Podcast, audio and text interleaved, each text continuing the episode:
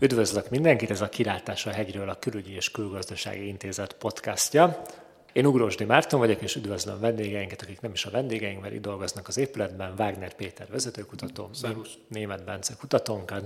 Sziasztok! Illetve végül, de nem utolsó sorban Szalai Mátét, aki szintén kutatónk a közel-kelet témakörön. A mai beszélgetés Szíriáról fog szólni, és rögtön az első kérdésem az lenne, hogy változtat-e bármin az a rakétacsapás, amit nemrég láthattunk a rendkívül felvilágosult nyugati koalíció részéről. Péter? Rövid, röviden nem változtat, szerintem semmit. Nyilván a háború nem fog ettől megváltozni, a háború kimenetele nem fog megváltozni, de azt hiszem, hogy ez inkább egy üzenet volt az Assad rezsim felé, a vegyi fegyverek alkalmazásának a, a jövőjével kapcsolatban. De eddig is alkalmaztak vegyi fegyvert, valószínűleg ezután is fognak. Van tehát bármi értelme ennek az egésznek? Az utolsó vegyi fegyver, komoly vegyi fegyver, látványos vegyi fegyver alkalmazására ugye talán pont egy éve került sor. Uh, nyilván az üzenet uh, elfelejtődhet, az üzenetet néha frissíteni kell, de azt gondolom, hogy uh, nem tudjuk pontosan, de elég keveset tudunk arról, hogy ki és milyen körülmények között, milyen okból rendelte el a vegyi fegyvereket, ha és ugye ezeket a vegyi fegyvertámadásokat a szíriai kormány hajtotta végre. Márté beszélgettünk korábban annak az egésznek a nemzetközi jogi megalapozottságáról, és Péter is most az előbb említette, hogy valakik bevetettek vegyi fegyvert, majd a szíriai kormány lebombázták, tehát nem aggályos ez így jogi szempontból nézve? Hát jogi szempontból aggályos, de jogi szempontból nagyon sok minden aggályos. Azért, hogyha megnézzük az iszlám állam ellenes nemzetközi koalíció tevékenységét Szíriában, amiben Magyarország is részt vesz, az egész nemzetközi jogi megalapozottság elég csekély. Tehát ebből a szempontból az egész nemzetközi koalíció szíriai tevékenysége az megkérdőjelezhető.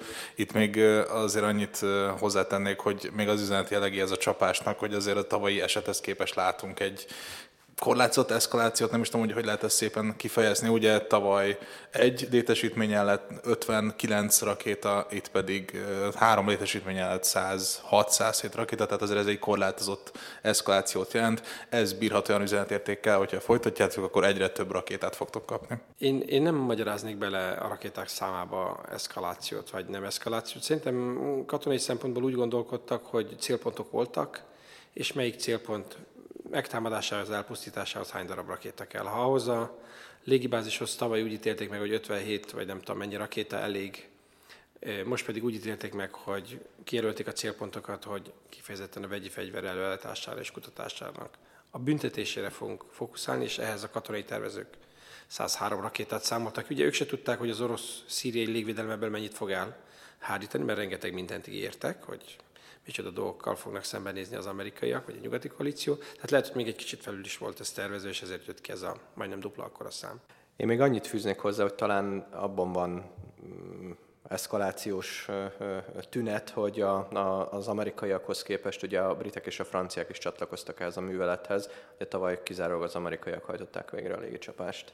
És én még ez annyit hozzátennék, hogy nyilván a rakéták száma önmagában még nem feltétlenül eszkalációt jelent, de az a tény, amit a Bence is mondott, hogy itt már többször részvevő van, több célpont van, itt már nem konkrétan az a bázis elrend, ahonnan végrehajtották, hanem elméletileg a vegyi fegyver kapacitások ellen, illetve a kutatási háttér ellen. Tehát én azért ebben érzek egy kis eszkalációt. Egyetértek, hogy ez nagyon korlátozott ha már a korlátozott és a szexi katonai csillogó-villogó fegyverekről beszélünk, mi volt az értelme a csapásnak az üzenetértéken túl, hiszen azt azért nyilván mindenki tudja, hogy az amerikaiak leadták előre az oroszoknak a drótot, nehogy véletlenül egy orosz lebombázzanak, az oroszok pedig nyilván leadták a drótot a szíriai kormánynak is, tehát hogy beszélhetünk a vegyi fegyver kutatási tevékenységnek a megakadályozásról, de az nyilván tudósok kellenek, akik működtetik az eszközöket, ők meg nyilván nem voltak ott, hiszen az oroszok szóltak előre, hogy ne legyenek ott. Tehát azon kívül, hogy most mindenki jól érzi magát, hogy jól megbüntették a szíriai kormány, valójában ezen kívül van ennek bármi jelentősége? Kedves realista barátom, az a jelentősége szerintem ennek a csapásnak, hogy valamilyen mértékben a vegyi fegyver tilalmat, mint egy nemzetközi normát, nem feltétlenül nemzetközi jogi normát, hanem egy nemzetközi normát megpróbál valamennyire fenntartani. Ugye ez nem azt jelenti, hogy mostantól mindenki, aki vegyi fegyvert használ, az az Egyesült Államok beavatkozik, hanem azt jelenti, hogy az Egyesült Államok ezt a kérdést egy biztonsági fenyegetésnek tekinti, ami a nemzeti biztonsági stratégiában is megnevetésítésre kerül. Ettől kezdve az Egyesült Államoknak deklarált érdeke az, hogy senki ne használjon vegyi fegyvert. Ez hogyha ez a beavatkozás nem történik meg, akkor azt lehet mondani, hogy ugyanaz a helyzet van, mint Obamánál 2013-ban, hogy van egy vörös vonal, van egy deklarált vörös vonal, valaki átlép, és nincs semmi következménye. Lehet emellett érvelni, hogy, hogy ez nagyon korlátozott következmény, és hogy a vegyi fegyverprogramot nem veszi vissza, de legalább van egy politikai következménye, vagy egy katonai következménye is. Ez nyilván korlátozott, de ez mutatja azt, hogy, hogy a kérdésnek van súlya az amerikai adminisztráció szemében. Pontosan ez egy, egy dolog, amit akartam volna mondani, hogy amerikai szemszögből nézve ugye nem tűnhet gyengének. Márpedig mi, lett, mi az, ha nem ez, hogy mondanak valamit, a szélrezsim szembe megy vele, és utána nem történik reakció. Ráadásul ugye még megkapják a kellemetlen összehasonlítást az Obama adminisztrációval, amely nem tette meg ezt a lépést. A másik dolog, egyébként teljesen egyetértek veled azzal, hogy a, a konkrét hatása ugye minimális lehetett talán. Ha megnézzük ugye a légi felvételeket, akkor a, a kutatóintézetet Damaszkuszban lerombolták. Ugye a kérdés, hogy mi az, ami kutatás az irodákban folyt, ilyen kémia laborok, és mi az, ami esetleg nem tudom, föld alatt, vagy, vagy, vagy, vagy betonbunkerekbe folyt. A másik, hogy ugye azokat a, azt a másik két helyszínt, amit lebombáztak, ott effektíve alig látjuk magának a bombázásnak a nyomát is, mert ugye ott, bunker, ott eleve bunkerekről volt szó, amik a föld alatt voltak.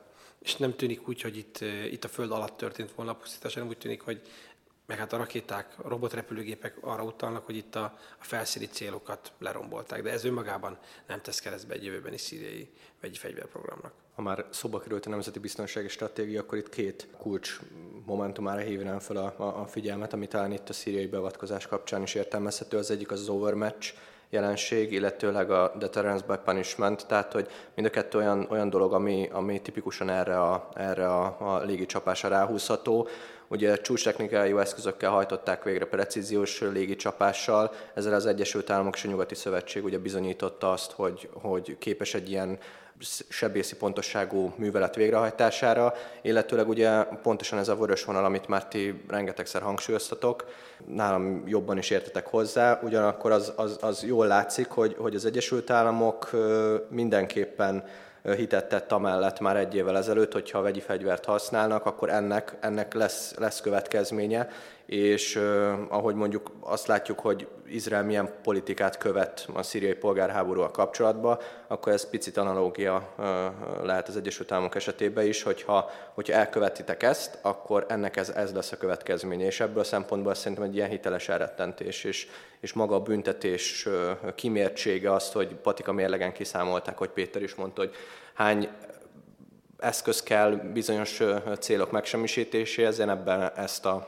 a nagyon racionális lépést látom. Én még azt tenném hozzá, hogy nagyon sokat szédjük ugye a Trump adminisztrációt, hogy mennyire kiszámíthatatlan, mennyire követhetetlen, de ebben az egy darab kérdésben úgy látszik, hogy van egy következetesség. Ez ugye egyes hírek szerint onnan ered, hogy Trump elnök látta az egy évvel ezelőtti felvételeket a haldokló gyerekekről, és ez nagyon nem tetszett neki, és ezért neki ez egy érzékeny kérdés lett. Nem tudom, hogy ez igaz-e vagy nem, minden esetre úgy tűnik, hogy itt van valami, ami fontos az adminisztráció számára. Nincs közelkel stratégia, nincs Szíria stratégia, kettő dolog van, a terrorizmus elleni küzdelem és a vegyi fegyver használat tilalma. Ha már a stratégia szóba került, kinek van egyáltalán stratégiája Szíriára? Tehát látjuk, hogy a törökök szeretnének valamit elkerülni, látjuk, hogy az irániak szeretnének valamit fenntartani, látjuk, hogy az amerikaiak úgy szeretnének ebben az egész sztoriban részt venni, hogy valójában nem vesznek benne részt, legalábbis otthon úgy tesznek, mintha nem vennének benne részt.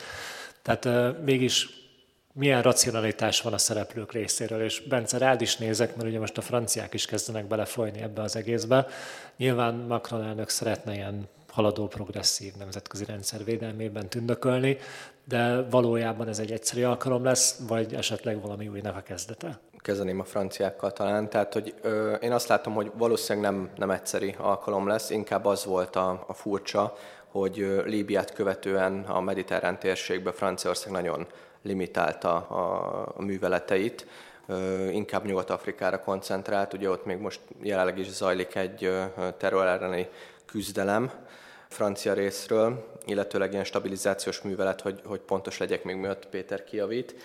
Ugyanakkor azt gondolom, hogy, hogy akár csak stratégiailag, akár mondjuk biztonságpolitikailag nézve, a franciáktól ez egy nagyon jó lépés volt, hogy bekapcsoltak ebbe a, ebbe a légicsapásba. Ez egy nagyon kis erőkkel végrehajtható, de nagyon látványos légicsapás volt. Ennek PR szempontját sem kell talán túlzottan magyarázni. Azt, hogy az Egyesült Államokkal és a britekkel kerültek ugyanabba a hírsávba, illetőleg, hogyha egy picit ilyen katonai dimenzióban is nézegethetjük, akkor a franciáknak ez egy nagyon jó alkalom volt arra, hogy történelmük során először haditengerészeti platformról cirkáról rakétát indíthattak, tehát ez egyfajta katonai teszt volt, illetőleg bizonyították azt, hogy megvan nekik ez a képesség, ugye a britek, briteket és az Egyesült Államokat nem véve, ugye ők, ők rendelkeznek a nyugati szövetségből bizonyítottan ezzel a képességgel, ugyanakkor ugye a légicsapások, a precíziós légicsapások végrehajtása is azt mutatta, hogy a, a francia hadsereg,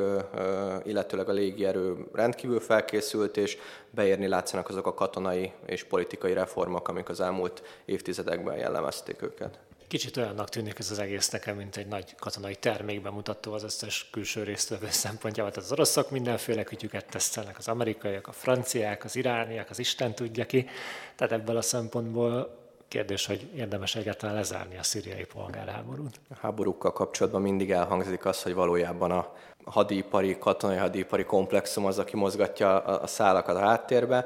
Azt gondolom, hogy talán ez nem, nem, nem feltétlen ez a, ez a kizárólagos igazság, ugyanakkor az jól látható, hogy ezek, a, ezek az alkalmak azért kihasználásra kerülnek katonai részről is, tehát hogyha, hogyha szerették volna, nyilván franciák végre tudták volna hajtani ezt a, ezt a küldetést, anélkül is, hogy valami új fegyverrendszert teszteljenek, de hogyha már itt volt a lehetőség, és felismerték ennek a politikai ö, ö, hozadékait, vagy pozitívumait, akkor, akkor úgy voltak, hogy miért ne.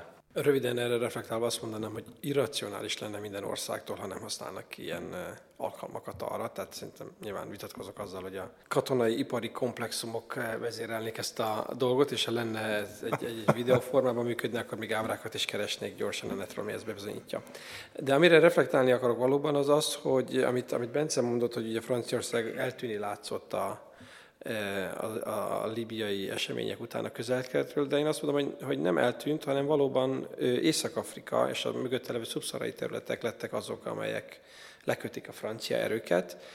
A közel-kelet számára szerintem másodlagos prioritás ez a térséghez kezdve, nyilván a hagyományos francia érdekek, migráció, szempontjából még azt mondom, hogy, hogy bár a terrorizmus szempontjából nyilván ez a térség nagyon fontos, mert a terroristák innen jöttek vissza elkövetni a Párizs és a brüsszeli terrortámadást, de az általuk okozott kár, instabilitás még mindig elhanyagolható a tágabb francia érdekekhez képest. És szerintem azt látni, hogy, hogy Franciaország nem vesztette az aktivitását, csak az aktivitását ebben a szubszarai térségben növelte meg az elmúlt években. És ez visszavezet oda, amit szerintem ilyen, ilyen podcasteken korábban már kimondtunk, hogy egy, egy pár év után a nyugati országok lemondtak arról, hogy valódi rezsimváltást keressenek Szíriában. És onnantól kezdve, hogy erről, erről lemondtak, és megáll, annyiban maradtak, hogy akkor helyet adunk a szíriai ellenzéknek, támogatjuk őket a Genfi béketárgyalásokon, meg nem tudom, a Párizsi hotelszámláikat kifizetjük helyette, meg az utazási költségeiket Riádba. Innentől kezdve, innentől kezdve innentől kezdve mindenki az, azokat a valódi érdekeket keresi, ami neki gazdaságilag vagy politikailag eh, megvannak. De két országra azért szeretném felhívni a figyelmet, mert vannak, akinek vannak stratégiai érdekeik eh, Szíriában és az Oroszország és Irán. És szerintem ők, ők, ők stratégia mentén cselekszenek, az irániakon, leginkább az irániakon látni. Az oroszok szerintem sokáig csak figyelték az eseményeket, próbálták mérsékelni a károkat, és amikor az szíriai rezsim összeomlani látszott, akkor beavatkoztak. De Irán az, aki a polgárháború kezdete óta, mivel neki Szíria stratégiai szövetségese, geopolitikai érdekekből, identitás szempontjából folyamatosan kiáll a rezsim mellett, és és azt látjuk, és szerintem ez, ami agasztóvá válhat igazán a jövőben, vagy kiszámítható irányokat adhat, az az, hogy az iráni befolyás folyamatosan növekszik, és annak ellenére, hogy Oroszország és Irán egymásnak szövetségesebb a konfliktusba, szerintem nem látják egymás összes lapjait, vagy nem mutatják meg egymásnak,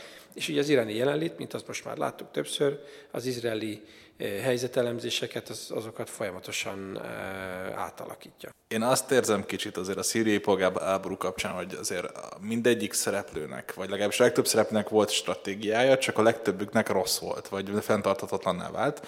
Ezért bekerültek nagyon sokan, ugye Törökország, Szaudarábia, Katar, de még az Egyesült Államok is azt gondolom, egy ilyen stratégiai zsákutcába, onnan nem tudtak, hogy hogyan tudnak kimenni, és ezért elkezdtek bénázni. Azért tűnnek tehát szerintem irracionálisnak ezek a szereplők, szereplők, mert mindenkinek a legtöbb szereplőnek a stratégiája a zsák utcába ment, és azért nem tudnak mit csinálni, csak kavarni össze-vissza. E- ezzel azért vannak kivételek természetesen. Én azért iránt megnevezném annak, aki a legsikeresebb volt a szíriai polgárháborúban. Nyilván fenn akarta tartani a befolyását, befolyását Damaszkuszban, de amit sikerült elérnie, és szerintem erről talán keveset beszélünk, de ez a síta félhold koncepció, ami ugye a 2000-es évek végén inkább csak egy ilyen rémkép volt a szunita országok meg Izrael szemében, de hát most látjuk, hogy konkrétan lakosságcsere egyezményekkel kezd kialakulni egy, egy síta terület, egy egybefüggő síta terület Libanon és, és Irán között gyakorlatilag. És azért ennek a stratégiai jelentősége elég nagy. Nem véletlen, hogy az izraeliek ezt felismerték, és, és John Bolton is felismerte, és ez, ez, ezt problémásnak találják, de hát nem tudnak rá mit, mit tenni egyenlőre.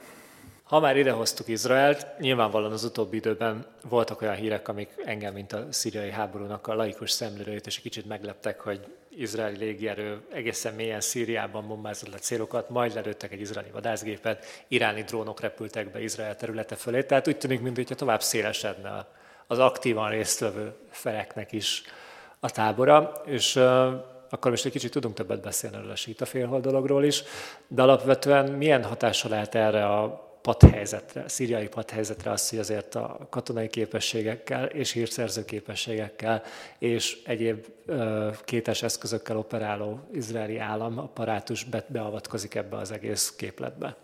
Itt ugye elsősorban Izraelt Szíriával kapcsolatban Iránnak a tevékenység érdekli, az, hogy mit csinál, mit csinál Irán Szíriában. Bocsánat, és a Hezbollah. És a Hezbollah. Azonban ugye a Hezbollah Hezbollahról uh, annyit azért érdemes elmondani, hogy ugye részt vettek a, a, a háború korábbi szakaszába, és most úgy, ne, úgy néz ki, hogy, hogy sokkal korszerűbb haderőként kerülnek ki ebből a, a, a konfliktusból, mint ahogy bekerültek, legalábbis technikailag. Ugyanakkor azért a Hezbollah súlyos veszteséget is szenvedett a, a, a háború során. Nyilvánvalóan ö, ö, hiba lenne lebecsülni az ő ö, általuk jelentett fenyegetést, illetőleg ö, a Hezbollah herejét. Ugyanakkor az biztos, hogy, hogy Izrael bizonyította, akár 2006-ra gondolunk, ugye a legutóbbi katonai műveletek során, hogy, hogyha, hogyha a politikai akarat megvan, akkor, akkor a, a, a haderő az képes arra, hogy, hogy visszaszorítsa, illetőleg meg, meggyengítse a Hezbollah. Kicsit még menjünk vissza Iránra, mert bár sok szó van róluk, legalábbis én nehezen értem meg, hogy mi is történik. Nyilvánvalóan van egy hivatalos együttműködés a szíriai kormány és az irániak között. Tudjuk, hogy iráni reguláris és irreguláris erők harcolnak Szíriában, ugyanakkor mégis, mint hogyha a felek nem törekednének arra, hogy az irániakkal nyújtsanak valamit a rendezés érdekében. Tehát uh, hogyan lehetne valamit az irániakkal kezdeni, akikről pont most hallottuk, hogy nekik van a legátgondoltabb stratégiájuk az egész konfliktus kezelésére. Szerintem ez egy nagyon jó kérdés, mert egyenesen rámutat arra, hogy mennyire nehéz a nyugatnak iránt kielégíteni, mert ez egy, ez egy világos ütközés az amerikai és az iráni érdekek között. Ugye látjuk gyakorlatilag az elmúlt 15-20 évben, de akár a hidegháború vége óta azt, hogy, hogy de hogy is még régebről, 1979 óta, hogy van egy iráni rezsim, ami szembe megy az amerikai regionális érdekekkel és elképzelésekkel, és, és ezek az elképzelések még sose voltak ilyen sikeresek. És igazából talán egy überrealista amerikai külpolitikára van szükség ahhoz, hogy, hogy elfogadja ezt, a, ezt, a, ezt az iráni térnyerést, ami azt jelenti, hogy ehhez viszont a szaudi és izraeli partnereiről és a partnereinek az érdekeiről kellene lemondani, Úgyhogy éppen ezért nehezen tudom elképzelni azt, hogy, hogy geostratégiai szinten ebbe az USA, USA belemenjen, vagy a nyugat belemenjen, de valahogy meg kell majd vele barátkoznia, mert valóban egyelőre nincs olyan eszköz a láthatáron, vagy képesség, vagy szándék, amely, amely meg tudná állítani ezt, a, ezt az iráni térnyelést Szíriában. Ha már realizmus, meg nemzeti biztonsági stratégia, akkor pont a, a, a mostani nemzeti biztonsági stratégia az, amely egyébként világosan le is írja azt, hogy, hogy az Egyesült Államok felismerte, hogy valami, valami nincs rendben, vagy legalábbis, hogy valami megváltozott a közel-keleten. Ugyanakkor azt nem gondolnám, hogy, hogy az alapvető stratégiai célok azok változtak volna az Egyesült Államok szempontjából, hiszen Gyakorlatilag, ha elemezzük a dokumentumot, akkor azt láthatjuk, hogy bizonyos régiókban a hatalmi versengés újra kezdődött, vagy pontosabban abban sem maradt, és az egyik, közel, ez egyik ezek közül a közel-kelet, ahol gyakorlatilag ugye Irán, ahogy mondtátok, megerősítette pozícióit, ezzel párhuzamosan viszont az Egyesült Államok nem tudja érvényesíteni azt a stratégiát, ami egyébként én azt gondolom, hogy még mindig megvan számára, hiszen a hidegháború vége óta alapvetően nem változott meg az Egyesült Államok közel-kelet politikája abból a szempontból, hogy azokra a regionális hatalmi erőközpontokra próbálna az Egyesült Államok koncentrálni, amelyek még mindig ott vannak. Nyilván egy arab tavaszon túl vagyunk már, de Egyiptom, Törökország, Izrael és most már ugye Szaudarábia, és ezennek a négy államnak a, a, a felszín alatti vagy kevésbé felszín alatti szövetsége még mindig rendelkezésre áll az Egyesült Államoknak arra, hogy hatásosan vissza tudja szorítani Irán befolyását, illetőleg ugye Izrael szempontjából még arra hívnám fel a figyelmet, hogy hogy ugye Izrael, Izraelnek van talán legvilágosabb stratégiája a, a helyzettel kapcsolatban. Ugye az a legfontosabb, ennek a legfontosabb eleme az, hogy a, az iráni pozíciószerzést minden áron meg kell akadályozni Szíriában. Akkor ez egy sikertelen stratégia. Hát attól függ, hogy hogy definiáljuk a sikert. Hát Izrael... Hát úgy definiáljuk úgy, hogy ott van-e Irán 40 ezer, vagy 50 ezer, vagy 80 ezer fegyveressel Szíriába, vagy nincs ott. Vannak-e drónjai, amelyek berepülnek onnan Szíriába, vagy nincsenek ott? Vannak, viszont ez, ez nem, nem jelenti azt egyértelműen, hogy, hogy Izrael a, a saját maga által határolt keretekben ne, te, ne tevékenykedne, vagy ne tevékenykedhetne jól, illetőleg hatékonyan. Az nyilvánvalóan az izraeli politikai és katonai vezetés döntése, hogy, hogy nem hajt végre intervenciót Szíriában, hanem fenntartja a hatásos elrettentés stratégiáját, ami azt gondolom, hogy tökéletesen működik, hiszen minden olyan cselekvést, ami akár Szíriából, vagy az északi régió más területeiről Izraelt veszélyezteti, bizonyos értelemben súlyosabb, súlyosabb eszközökkel vagy csapásokkal torolja meg annak érdekében, hogy elejét vegye a helyzet eszkalálódásának. Ugye itt a szóba került korábban a, a drónberepülés, amit ugye megsemmisített egy izraeli harci helikopter, ennek ellenére az izraeli légierő ugyan elvesztett egy F-16-ost ebben a műveletben, de több bázist, illetőleg fegyverraktárat, illetőleg korábban konvojokat megsemmisített. Tehát azt láthatjuk, hogy mindig egy ilyen kis úgymond kis, kisebbnek tűnő beavatkozás, az azzal, azzal egyenérték, hogy az izraeli hadigépezet teljes erejével lesújt, hogyha erre van szükség. Én azért nem gondolom, hogy ez sikeres volt, akár izraeli, akár amerikai szempontból, mert nagyon jó volt, hogy említetted ezt a négy államot, akikre az Egyesült Államok támaszkodni próbál, de hogyha megnézzük azt, hogy mondjuk 5 évvel ezelőtt, vagy 10 évvel ezelőtt ezek az államok hogy álltak, és hogy állnak ma, illetve Irán hogy állt 10 évvel ezelőtt, és hogy áll ma, azt lehet látni, hogy van egy hatalmi egyensúlyi elmozdulás. Irán 2003 óta teljesen kibővítette a befolyási, befolyását a közel-keleten, nagyon jól játszott. Szerintem ez nem ő csinálta meg magának, hanem a többiek rontották el, ugye az kezdve az amerikai beavatkozással minden egyéb, és ha megnézzük ezt a négy államot, mindegyik a saját problémáival küzd, stratégiai zsákutcában vannak. Izraelnek abban igazad van, hogy mondjuk a területi integritását nem kell féltenie, de az, hogy az irániaknak van egy gyakorlatilag egy kijutásuk a földközi tengerre, az egy nagyon nagy geostratégiai változást jelent.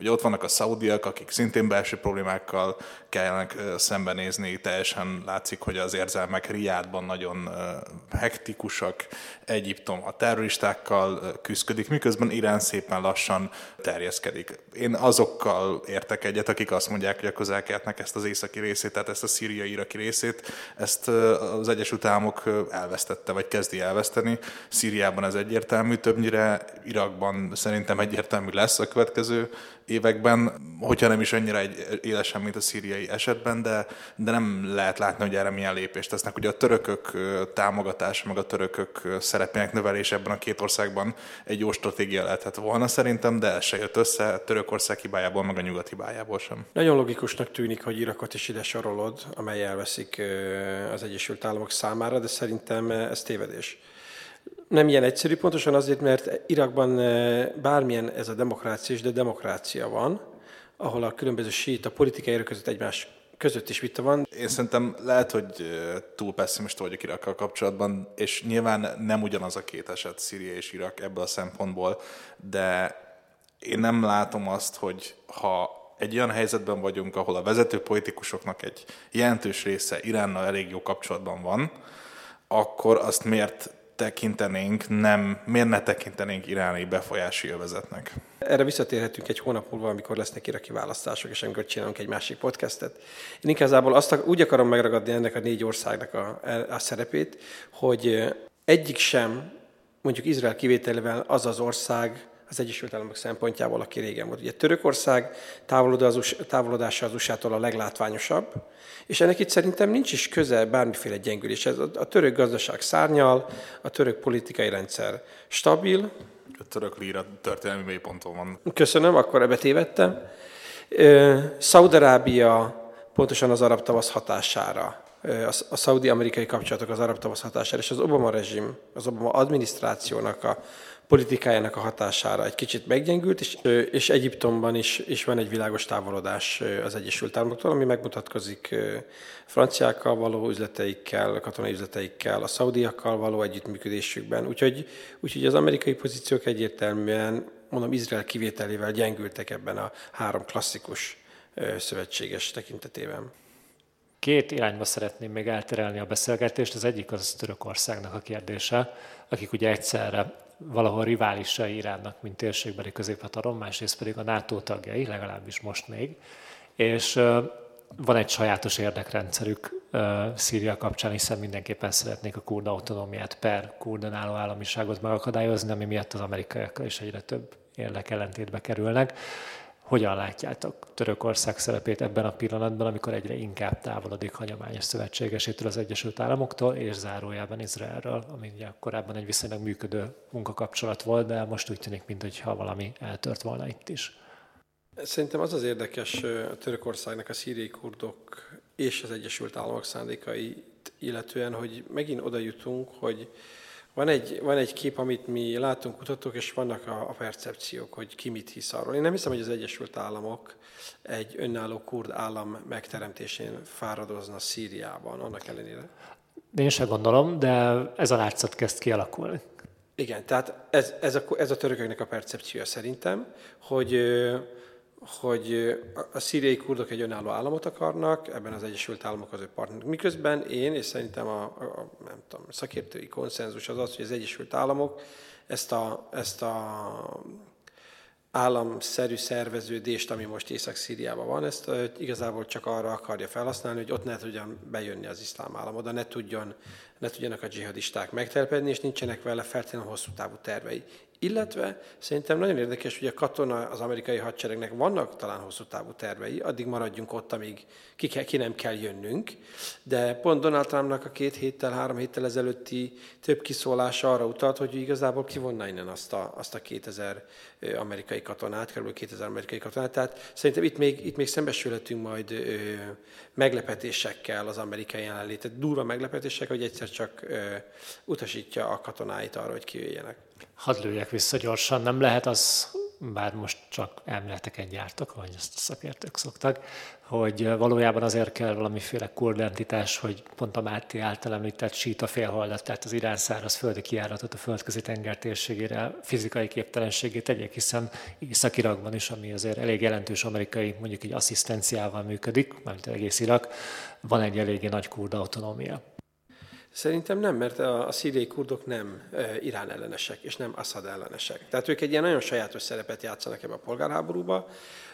Nem hiszek abba, hogy van ilyen, hogy semlegesség egy, egy polgárháborúba, de több konfliktusban, akár Aleppóban, akár itt Kelet-Szíriában, ahol ugye több olyan nagyváros van, ami teljes kurd ellenőrzés alatt van, de van egy városnegyede, meg egy repülőtere, ami a szíriai rezsim uralma ellenőrzése alatt működik, és kurd, ebből a szíriai kurd területekből a kurd egyetemisták a szír légitársaság járataival járnak Damaszkuszba egyetemre. Tehát, hogy van egy óriási szintű, szerintem nyugati szemmel, mivel az a sajtóban egyáltalán nem jön át, óriási szintű együttműködés, normál működés a két fél között, a, a szíriai kurdok, legalábbis ez a vezető erő, amelyik most uralja ezt a területet, ez nem Irán ellenes. Tehát lehet, nincs is abban a helyzetben, hogy megakadályozzon egy iráni befolyást.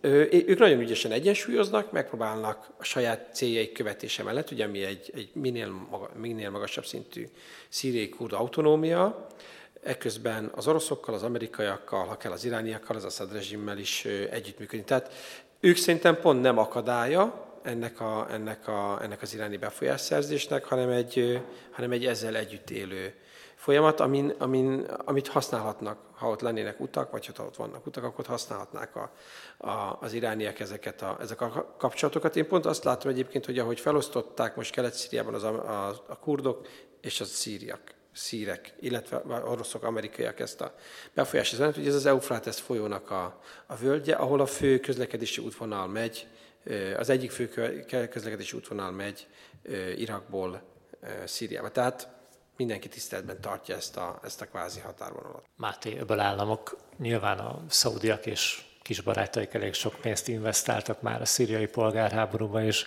ugye az iráni térnyerésről, amiről az előbb beszéltünk, azért az egy eléggé rossz befektetésnek tűnik ebben a pillanatban. Említetted azt is, hogy nagyon komoly belső problémák vannak néhány kulcs szereplő, például Szaudarábia belpolitikájában. Mire számíthatunk tőlük a közeljövőben?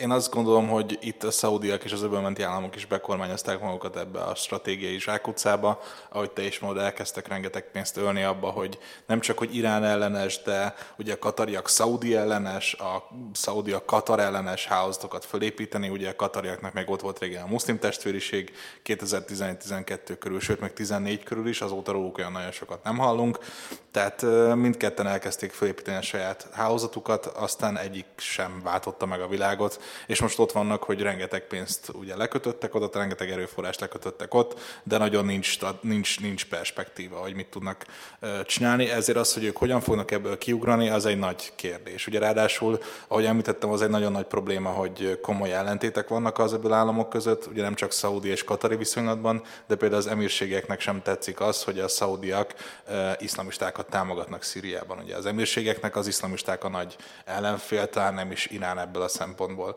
Tehát azt gondolom, hogy nekik nagyon, azért nem tudom, hogy mit fognak csinálni, mert szerintem ők sem tudják, hogy mit fognak csinálni.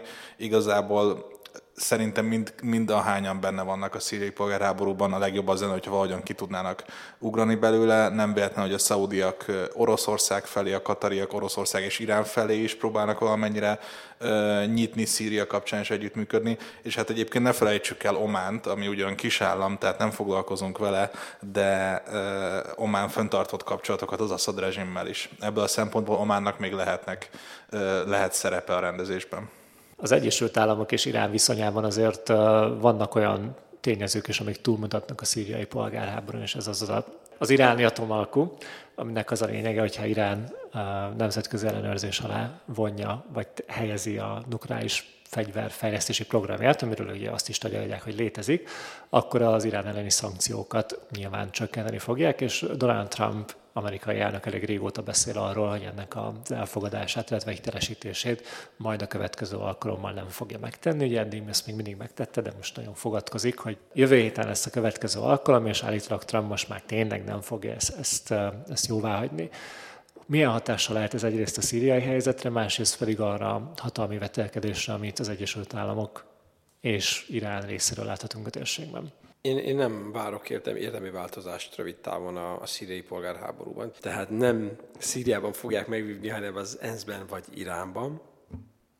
És innentől kezdve e, ennek is az első, első lépései nyilván diplomáciai lépések lesznek, amely, amely biztos szájkarate, retorikai lépések, szankciók újbóli bevezetése, de ez már, ez már nem folyt. Tehát ettől nem fog az Amerikai Egyesült Államok visszatérni Szíriába. Én azt gondolom, hogy a Trump adminisztráció most arra tippelnék, hogy ki fog ugrani ebből az atommegállapodásból, meg látjuk, hogy ez tényleg megtörténik-e. Én arra számítok igazából, hogyha mindenki nyugodt marad és higgadt marad, hogy kicsit olyan lesz az egyezmény sorsa, mint az 1979-es Szalt 2-nek, amit ugye senki, tehát ugye az hivatalosan nem létezett, de gyakorlatban betartották. Én ebben hát reménykedem, ezt, ezt látom a jövőben. Más kérdés az, hogy, hogy az irániak mennyire fogják ezt betartani, az Egyesült Államok mennyire fogja, hogy mit fog egyáltalán csinálni, ezután vezete be új szankciókat, stb. Illetve hát az egész kérdés igazából az Európai Unió és az európai-amerikai kapcsolatokban is elég fontos mérföldkő, hiszen van egy teljesen egyértelmű kérdés, amiben két, a két szereplő teljesen más érdekeket követ. Az amerikaiak nagy nyomást helyeztek az európaiakra, hogy csináljanak valamit a beengedett májusi határidő előtt, az európaiak pedig úgy tűnik, hogy nem csinálnak semmit ami mutatja azt, hogy azért a Trump adminisztráció fenyegetése vagy a kézlobálása az nem hat olyan nagyon nagy erővel az európai politikusokra.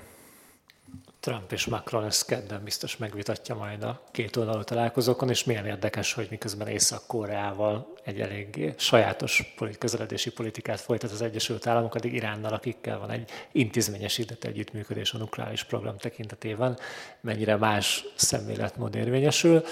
És még meg se választották az új amerikai külügyminisztert. Igen, most már biztosan tudjuk, hogy a CIA viszi az amerikai külpolitikát, de valójában megint ott tartunk a beszélgetés végére, hogy megdicsértük Trumpot, megdicsértük Európát, megdicsértük Iránt, tehát megdicsértük a két nagy ellenfelet. Kérdés, hogy ki veszít, mert ugye win-win elég ritkán van ezekben a kapcsolatokban.